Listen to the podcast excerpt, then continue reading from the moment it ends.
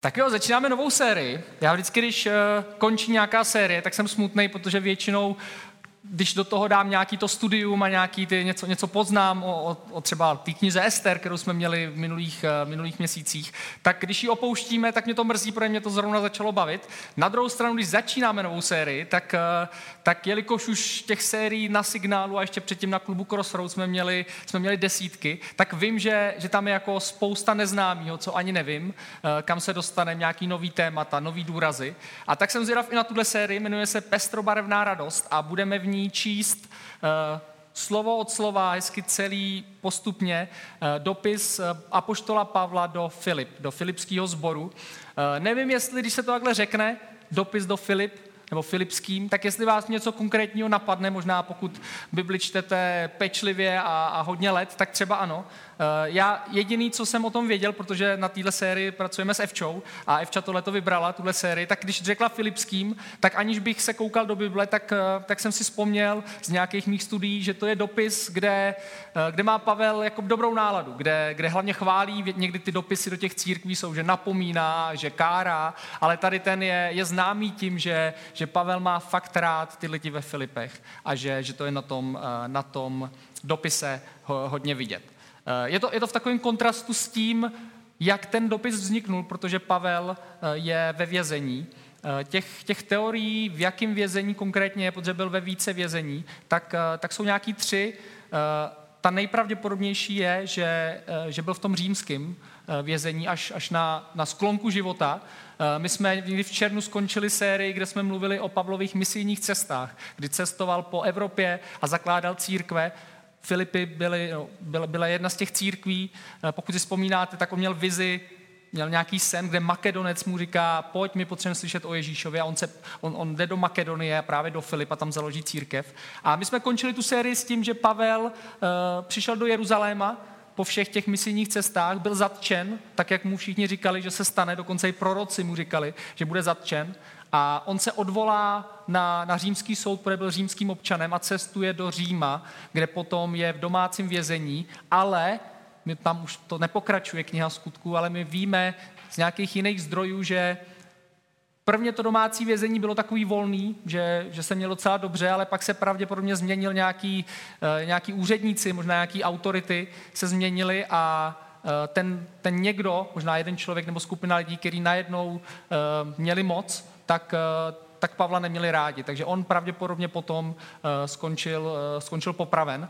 A pokud, pokud ta, no, ta nejpravděpodobnější teorie je, že právě z toho římského vězení on píše ten dopis do Filip, což by, což by nás datovalo do nějakého roku 62 uh, našeho letopočtu, kde Pavel je ve vězení, uh, dokonce v tom dopise, jak budeme číst, uvidíte, že jako kdyby už čeká, že zemře, že, že se to blíží, že ty podmínky toho vězení se změnily a že pravděpodobně on zemře. A je v tomhle rozpoložení a na druhou stranu píše dopis, který je plný radosti, který je plný pozitivních věcí a, a, eh, a nějak to do sebe zapadá. I přesto, že, že je ve vězení, že ho čeká smrt, tak přesto píše dopis, který je plný radosti. A proto se, my, eh, proto se na to chceme jako podívat, eh, ne, že by někdo z nás byl ve vězení, ale každý člověk, každý křesťan si, si prochází něčím těžkým. Možná má nějaký vězení, ať už to je nemoc, ať už je to nějaký trápení ve vztazích, ať už je to cokoliv jiného, ale stejně jako Pavel, tak může, je reálný, aby měl dlouhodobou radost a spokojenost.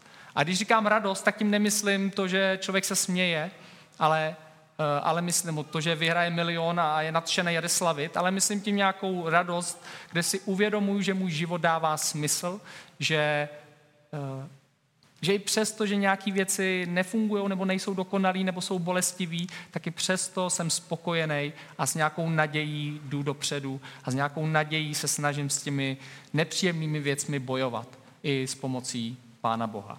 Tak proto pestrobarevná radost, i proto, že my pojedeme, bude to šest dílů a každý díl uh, se zaměří na, na nějakou konkrétní radost, kterou, kterou Pavel nějak v tom dopise ukazuje nebo popisuje. Co to není ta série, to chci taky zdůraznit. Není to to, že bychom si s Evčou řekli, chceme mluvit o radosti. Tak pojďme udělat tematickou sérii, vybereme šest důležitých témat, jak může být člověk, eh, jak může mít radost. Tak to není. Čteme dopis Apoštola Pavla a právě proto, že, že ta radost je tam tak silná, tak se tomu tématu věnujeme. A takto těch šest věcí nejsou top nebo nejlepších šest věcí, které je potřeba mít a, a, a nějak jako zvládat, abyste měli radost. E, některý z nich by se ani podle mě ne, e, neumístili na, v první desítce třeba. Budou tam nějaký zjevný, který jsou jasný, ale nějaký třeba, který ani nejsou v první desítce, ale chceme se podívat na ten dopis a podívat si na ty konkrétní věci a zkusit se z toho nějak inspirovat. Tak jo, e, my dneska přečteme nějakých prvních 12 veršů, a je tam nějaký pozdrav a pak, eh, pak už ten dopis nějak začíná. Pavel a Timoteus, služebníci Krista Ježíše, všem svatým v Kristu Ježíši, kteří jsou ve Filipech, se správci a služebníky. Milost vám a pokoj od Boha našeho Otce a od Pána Ježíše Krista. Kdykoliv si na vás vzpomenu, musím děkovat svému Bohu. Stále se za vás všechny modlím a při každé své modlitbě se raduji z toho, jak se od prvního dne až do posud podílíte na evangeliu jsem si jist, že ten, který ve vás začal dobré dílo, je dovede až do konce v den Krista Ježíše. Právem takto smýšlím o vás všech, protože mě nosíte v srdci. Vy všichni máte se mnou podíl na boží milosti, jak v mém vězení, tak v obhajobě a potvrzování evangelia. Bůh je mi svědkem, jak po vás všech toužím. Cítím k vám lásku Krista Ježíše. Modlím se, aby i vaše láska stále víc a více rostla spolu s poznáním a hlubokou vnímavostí, abyste uměli rozeznat, co je správné, abyste byli rizí a bezúhoní až do Kristova dne a dali se od Ježíše Krista naplnit ovocem spravedlnosti ke, chvále, ke, ke slávě a chvále Boží. Eh, možná, když se to takhle na první pohled přečte, tak je to, tak je to takový hutný text. Ono je to i tím, že Eh, že to je dopis. Možná, kdybyste si sedli a chtěli někomu napsat dopis a víte, že jakmile ten dopis jako odešlete, tak už to nezměníte, tak přemýšlíte, jak, do, jak, jak vytvořit každou větu, jak každou myšlenku nějak formulovat. A právě proto ty epištoly nebo ty, ty dopisy, který Pavel a další píšou církvím, tak jsou tak jako hutný. A proto někdy eh, každá věta je potřeba nějak rozebrat, ne proto, že bychom se v tom nějak vyžívali, ale protože tak je prostě napsaný ten dopis. Když jsme četli Ester, tak to byl příběh a klidně jsme mohli přeskočit spousta vět a vlastně se nic nezměnilo, aby to bylo kratší a vlastně se nic nezměnilo na tom smyslu. Ale když čteme dopis, tak eh, tak jelikož ten člověk seděl u toho stolu nebo to někomu diktoval a každý slovo má v tom dopise nějakou, eh, nějak, nějaký význam, tak proto, eh, proto jdeme nějak, nějak postupně. Tak nevím, jestli jste z toho pochopili nějaký jedno téma, který, který Pavel nějak popisuje. Já, to, já vám ho prozradím a pak, pak ho nějak rozeberu i na, přímo na těch slovech, který, který Pavel píše. Eh, já když jsem to četl, tak hned z toho prvního oddílu eh, jsem nějak pochopil, ono je to tam poměrně zjevný, že Pavel má radost z těch křesťanů ve Filipech. Já nevím, jak dlouho je znal, nebo jak, kolik času s nima strávil. On, když ten zbor nebo tu církev zakládá, tak eh, Eh, tak tam není moc dlouho, pravděpodobně se tam potom ještě nějak vrací nebo nějak, nějak se zná s těmi lidmi, možná přes Timotea a další, který, který tam třeba nějak slouží. Ale hned z toho prvního čtení, z toho začátku, je jasný, že Pavel má rád křesťany. Pavel má rád křesťany ve Filipech. A, a dělá mu to radost. V tom vězení, on když se na ně vzpomene, když nad nima přemýšlí, možná je zná samozřejmě konkrétníma jménama, vzpomene si tamhle na, na tetičku tamhle tu, na, na mládežníka tamhle toho a v těch Filipech a řekne si, jo, tamhle to, to, bylo ještě, to bylo ještě dítě, no tak ten teď vyrostl za těch prostě, on, tam je asi deset let mezi tím, kdy ten sbor byl založený, nebo ta církev, tak ten tomu už je 20, teď mu bylo 10, tak jak asi vypadá, co asi dělá. A když na, když, když na vzpomíná, tak je vidět, že má, že má radost. A proto to první téma, který, který chci, o kterém chci mluvit, je radost církve a druhých křesťanů. Eh, když říkám církev, tak tím nemyslím nějakou světovou církev, dokonce tím nemyslím ani denominaci církev bratrskou eh, nebo jakoukoliv jinou, ale když, když říkám církev, tak tím myslím místní církev. Komunita křesťanů, který na nějakém místě, v nějakém městě, vesnici, kdekoliv, žijou spolu, snaží se poznávat Pána Boha, snaží se od Pána Boha zjistit, co všechno eh, po nich Pán Bůh chce v tom jejich kontextu a a žijou. Žijou spolu jako křesťani. A snaží se aplikovat ty věci, které Ježíš říkal, které čteme v Bibli, na, na svoje životy, na svoje vztahy eh, a na svoji budoucnost a na nějaký okolí, ve kterém se pohybují. Takže radost církve a druhých křesťanů. Eh, já jsem, já jsem v církvi celý život eh, a i naše rodina je v církvi celý život.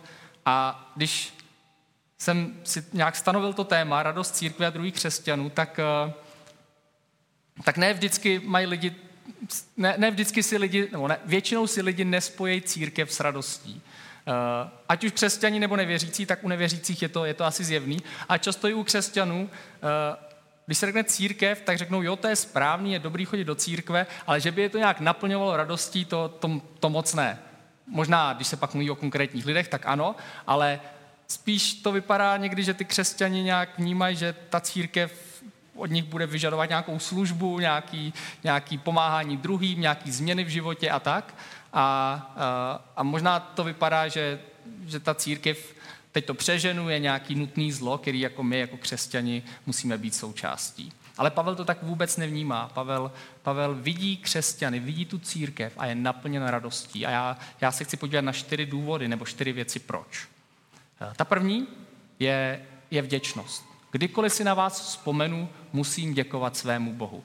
Nevím, jestli znáte nějakého člověka, já jich mám v životě několik, kde když si na ně vzpomenete, tak se jakoby vevnitř úplně usmějete. Je to zkuste si na někoho vzpomenout, kde dokonce může to být někdo, koho potkáváte každý týden. Může to být někdo, koho potkáváte dvakrát za rok. Uh, usmějete se, potom cítíte pocit nějaký, nějaký sympatie, nějaký lásky k tomu člověku. Uh, jenom stačí si vzpomenout a, a najednou máte lepší náladu. Aspoň trošku, protože, protože, protože ten člověk existuje. Protože existuje ve vašem životě a když si na něj vzpomenete, tak, eh, tak máte vděčnost. A Pavel, má, když má vděčnost, tak děkuje Pánu Bohu za ty konkrétní lidi, který zná. Ten, ten pocit, že se vevnitř nějak usmívám, že, že toho člověka mám rád, může být proto, že, že mi ctí toho člověka znát. Že, že je pro mě nějakou autoritou, že ho třeba respektuju. Že, že je výjimečný v něčem, a že i přesto, že, že je takový, tak, tak máme spolu nějaký vztah, že je mi ctí ho znát, že jsem na něj třeba hrdý, že to je někdo, kdo si probojoval něco v životě, nebo má za sebou nějaký proces a zvládl to a já jsem na něj hrdý. A když si na něj vzpomenu, tak s tím jeho jménem nebo s tím jeho obličejem si, si spojím to, že jsem hrdý, pišnej na to, že ten člověk to zvládl, že to vybojoval. Může to být proto, že s ním soucítím, že, že to je někdo, kdo si prochází něčím, nebo má v životě něco, co ho třeba trápí, ale já, když se na něj vzpomenu, tak si říkám, jo, teď on to má, on to má těžký, ale, ale, ale bojuje, zvládá to. A, a já s ním soucítím a říkám si, ty, kdybych já byl v té situaci, bych to nezvládl, ale on je pro mě inspirací, že to nevzdává, ale bojuje dál. A mám toho člověka prostě rád. Rád s ním trávím čas, dokonce jako Pavel. Uh, on na jiných místech píše, kež bych mohl s vámi trávit nějaký čas tak toho člověka mám rád, že, že mi nestačí ten omezený čas, kdy se s ním potkávám, ale že bych s ním chtěl, chtěl být častěji. A dělat cokoliv. Procházet se, jít na pivo, uh, hrát deskové hry, koukat na televizi, povídat si cokoliv. A, a tak ta první věc, která si myslím, že, že, že, souča- že která, která pom- může nám pomoct prožívat nějakou dlouhodobou radost i z církve a z křesťanů je, že si vzpomenu na ty konkrétní lidi. A, a můžu si u každého z těch člověk, lidí, možná ne u každého, ale u většiny těch lidí si říct, no jo, teď já vlastně tohodle, na tohle jsem hrdý, tenhle ten mě inspiruje, tady ten mi pomáhá, jsem za ně vděčný, protože je mám rád. A tak to je první věc. Kdykoliv si na vás vzpomenu, musím děkovat svému Bohu. Dokonce Pavel to píše, nemám jinou možnost, než děkovat svému Bohu. Musím prostě, protože, protože mi děláte radost. Ta druhá věc, eh, Pavel píše, raduji se z toho, jak se od prvního dne až do posud podílíte na evangelium. Já jsem napsal téma spolupráce, eh, asi by to někdo pojmenoval trošku jinak, ale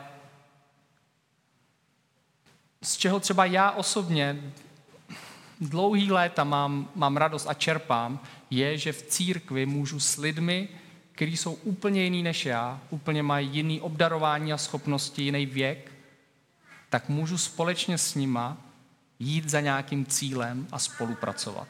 Něco tvořit.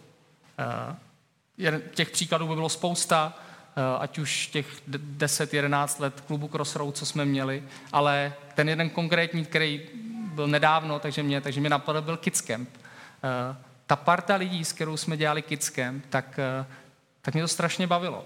Možná dneska, kdybyste mi nabídli, že příští rok pojedu na týden někam na Havaj a nebo dělat Kids Camp, tak možná upřímně bych vám řekl, že radši pojedu na ten Kids Camp, protože prostě mě to bavilo s těma lidma. Jo, na Havaj bych se chtěl taky podívat, ale, ale prostě ten Kids Camp mě bavil. A nebavil mě proto, že, že tam byly děcka. To mě taky baví, já vím, že to je ten smysl toho Kids Campu, ale především mě to baví proto, protože jsem tam byl s partou křesťanů lidí, která, která spolupracuje, která něco dokáže vytvořit. Já jsem člověk, který dokáže vytvořit spousta věcí, ale když jsem ve skupině lidí, kde se doplňujeme schopnostma, tak, eh, tak potom vytvoříme něco, co bych, co bych sám nikdy nedokázal. A to je úžasný. Moje, moje nejlepší vzpomínky uh, jsou často, uh, moje nejlepší vzpomínky z církve jsou velice často uh, spojený s tím, že nějaká parta lidí něco, něco tvoří. A může to být cokoliv. Samozřejmě my v církvi tvoříme něco, co by mělo pomoct někomu druhému, ale, ale ta spolupráce je, eh, je něco, co Pavlovi muselo dělat obrovskou radost. Já nevím, jak moc hodně on spolupracoval právě s Filipským sborem, ale, ale on tady píše, že se raduje, že od prvního dne ty lidé, ty křesťané ve Filipech pochopili stejně jako Pavel, že, ta, že ten největší úkol je misie, že ta největší úkol je jít do celého světa, jak říkal Ježíš, a, a říkat lidem o Ježíšovi a ukazovat jim na to, že pán Bůh je má rád a že se o ně zajímá. A tak vidí v tom tu spolupráci. On je ve vězení v Římě, oni jsou v Makedonii a stejně on může říct, my spolupracujeme na něčem, my tvoříme něco společně, my jdeme za nějakým jedním cílem. Mají společné zážitky, když s někým spolupracujete, máte, řešíte podobné problémy. Když jste na kids campu, tak řešíte to, že je někdo unavený. A vy jste byl unavený včera, takže, takže to chápete a neprudíte toho člověka. Když, když děláme nějaký klub, třeba jak jsme dělali e, Crossroads, klub Crossroads, tak řešíte stejný problémy. Někdo musí dojíždět, protože nebydlí v Chotěboři a najednou to chápete, protože jste si s tím prošli, protože tím procházíte společně. Společně vítězíte, když se něco povede, když ten kemp dopadne dobře, tak můžete společně slavit, nebo když nějaká schůzka nějakého klubu dopadne dobře, můžete společně slavit. Když se něco nepovede, tak to není jenom na vás. Nemusíte sami sedět a být nějaký úzkosti, že se něco nepovedlo, ale i jako tým to můžete nějak řešit. E, jako skupina lidí to můžete, můžete řešit. A obzvlášť, pokud to vztáhnu na místní církev, což není jenom nějaký klub nebo nějaký kemp nebo tábor, tak e, když to vztáhnu na místní církev, tak tak toho, na čem můžeme spolupracovat, je, je hrozně moc. Eh, my jsme malá církev a každá, každá malá místní církev musí být na něco zaměřená podle toho, jaký má obdarování a v jakém kontextu žije. Ale, ale těch věcí, které jsme třeba ještě ani nezačali, ani nás nenapadly, tak je, tak je spousta, co jako místní církev, jako, jako, jako křesťani společně můžeme dělat v tomhle městě nebo ve vztazích, který, který máme. A Pavlovi to dělalo radost. Pavel, když viděl církev, že spolupracuje, tak mu to, tak, tak to v něm probouzelo dlouhodobou radost, že to funguje, že to, že to funguje. Další, což je asi jedno z, z nejběžnějších, nejznámějších věcí o církvi, že v církvi je, je podpora, že se lidé podporují, že si slouží a že si pomáhají. Eh, Pavel by o tom mohl psát hodně a i, i na jiných místech to píše, ale tady napsal, já vím, že mě nosíte v srdci. Tak co to znamená, když někdo někoho nosí v srdci? Že na něj myslí, že, že když přemýšlí a řekne si, aha, tak ten člověk asi si prochází tímhle, tak aspoň tu modlitbu tam vyšlu a, a budu, budu se ho snažit nějak podporovat tímhle. Pokud mám příležitost a zdroje, tak mu třeba i nějak prakticky pomůžu. Když se s ním setkám, tak ho můžu pozbudit, pochválit, když se mě zeptá na radu, tak mu můžu dát nějakou radu. Nebo když má problémy ve financích, tak mu můžu nějak, nějak pomoct v tomhle. Když někoho nosíte v srdci, tak nejenom, že znáte jeho jméno, víte, jak ten člověk vypadá, ale vnímáte ty problémy a všechny ty věci, prohry a vítězství, kterým asi ten člověk prochází. A ta, ta paleta nástrojů, který potom máte, když toho člověka máte rádi a myslíte na něj, tak ta paleta nástrojů, kterým mu můžete pomáhat a podporovat ho, je, je obrovská. Eh, já, já když jsem nad tím přemýšlel, co, co jakoby, jak tuhle myšlenku mám vyjádřit, tak uh, mě napadla věta, že, že té podpory v církvi se nesmí zneužívat, ale může se s ní počítat. Nemělo by se jí zneužívat, ale můžu být na 100% přesvědčený, že s ní můžu počítat. Co to znamená? Znamená to, že ano, my jako církev, jako křesťané, uh, když bereme to, co nám Pán Bůh říká, tak se máme obětovat. Máme, máme sloužit druhým lidem vším, co máme. Vším, co nám Pán Bůh dal, tak my sloužíme těm druhým lidem. Eh, samozřejmě někdy to je tak, že lidi neznají hranice a já jsem se bavil, nechci říkat mnohokrát, ale několikrát s lidmi, kteří třeba měli nějakou specifickou profesi a byli součástí místní církve a, a, a už je nebavilo ani chodit na bohoslužby, protože furt je někdo otravoval, jestli by jim neudělal tamhle to, neudělal tamhle to, neudělal tamhle to. Eh, je to těžké, když se toho zneužívá. A často ten člověk to ani neví, že když někoho žádá o pomoc, že je třeba desátý v řadě a že, že jak ten člověk už to cítí špatně. Eh, neměli bychom toho zneužívat, nějak přemýšlet na tou hranicí. Na druhou stranu si myslím, že, že s tím můžeme počítat. Že, že ta pomoc tady je. Že ty zdroje v té místní církve jsou.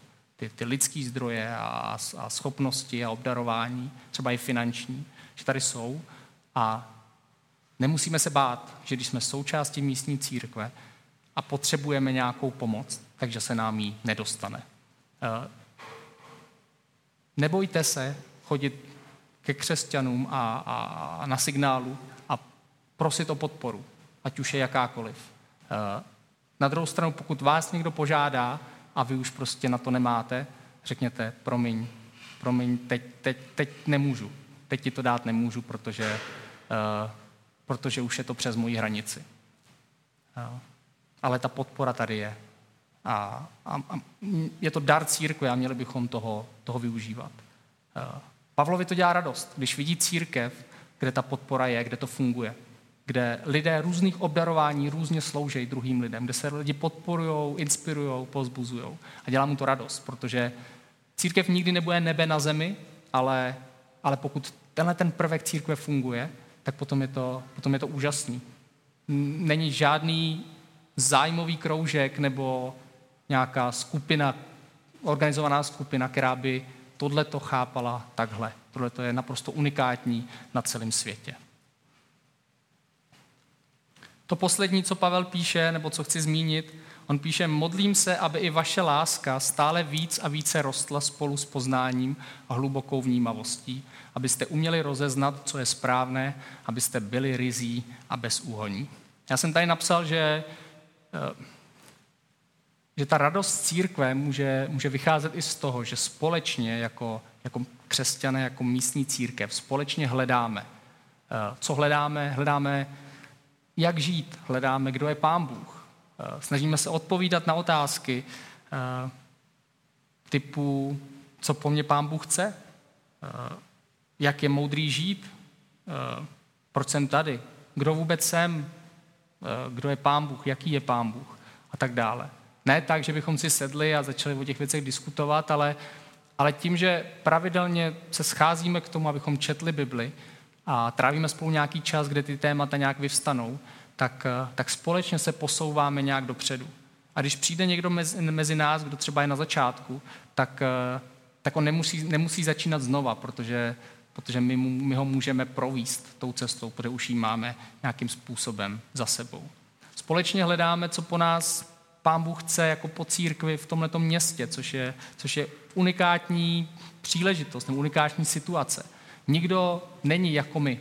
I přesto, že církví je spousta, tak každá církev je v nějakém kontextu a musíme společně hledat, eh, co, co po nás Pán Bůh chce. A, to, a ta cesta, to hledání je, je velký dobrodružství který když jste toho součástí, tak, eh, tak nejenom, že poznáte druhý lidi, ale poznáte Pána Boha. Poznáte jako živýho Boha, který, který jedná. Můj závěr z těchto těch čtyř bodů, eh, z toho, že jsem přesvědčený o tom, že Pavlovi dělalo radost znát ty křesťany a něco s nima, mít s nima něco společného. Tak můj závěr je, že být součástí zdravé církve přispívá k dlouhodobé radosti. Neboj se tou součástí být. Možná takový poslední příklad, uh, to je možná moje, moje nějaké osobní vnímání, uh, jakoby jak, jak mít radost církve, nebo jak to vlastně s tou radostí v církvi funguje. Uh, já když, uh, že my máme Matesově dva půl roku, a od té doby, protože to je naše první dítě, tak od té doby se mě jako x lidí zeptalo, no tak jaký je to rodičovství? Je to jako, jak jsi to očekával, nebo je to horší, nebo je to lepší? A já to nemám spočítaný, ale jelikož vždycky prvně mluvím a pak přemýšlím, tak, tak jsem několikrát řekl, že z takových jako 80% je to jako otravný.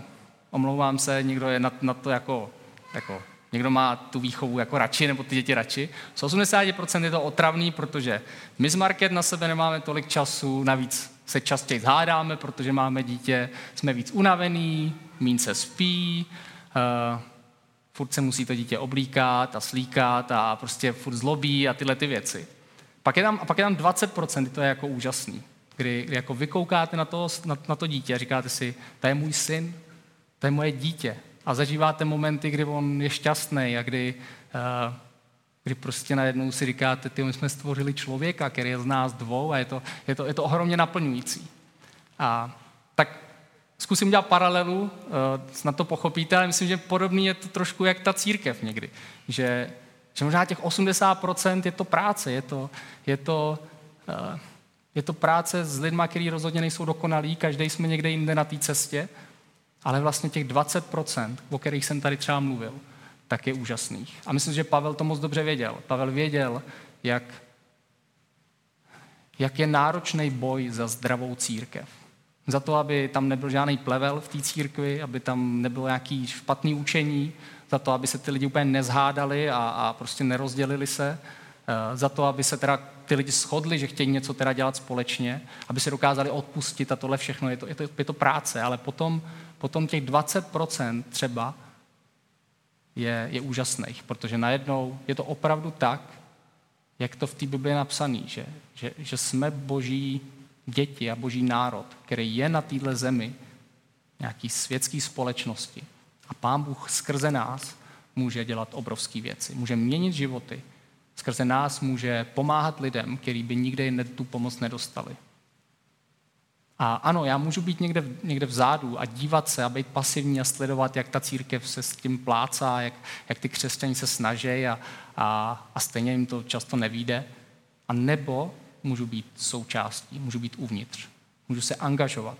Můžu vyhrávat, ale i prohrávat. Můžu, uh, můžu dávat energii, ale pak můžu třeba i slavit s těmi lidmi. A nejenom slavit to, že my lidi jsme něco udělali, ale že Pán Bůh opravdu něco udělal. A tak to je, to je výzva uh, pro, pro, pro každého z nás, pro, pro každého z vás, abyste byli součástí, abyste se angažovali. Já nevím, jak, to musí každý vědět sám, nebo nějak na to přijít, ale abyste byli součástí, ať už signálu, nebo, nebo jakýkoliv jiný místní církve. Uh, protože si myslím, že s tou budete mít dlouhodobou radost. I přesto, že to někdy není jednoduchý, tak může vám to pomoct k nějaký dlouhodobé spokojenosti a radosti. Protože máte silný pocit a vnímáte, že Pán Bůh je živý Bůh a, a něco tady na té zemi dělá. Tak jo, tak to je první, první díl, že Pavel má radost z toho, že zná křesťany ve Filipech a že je má rád.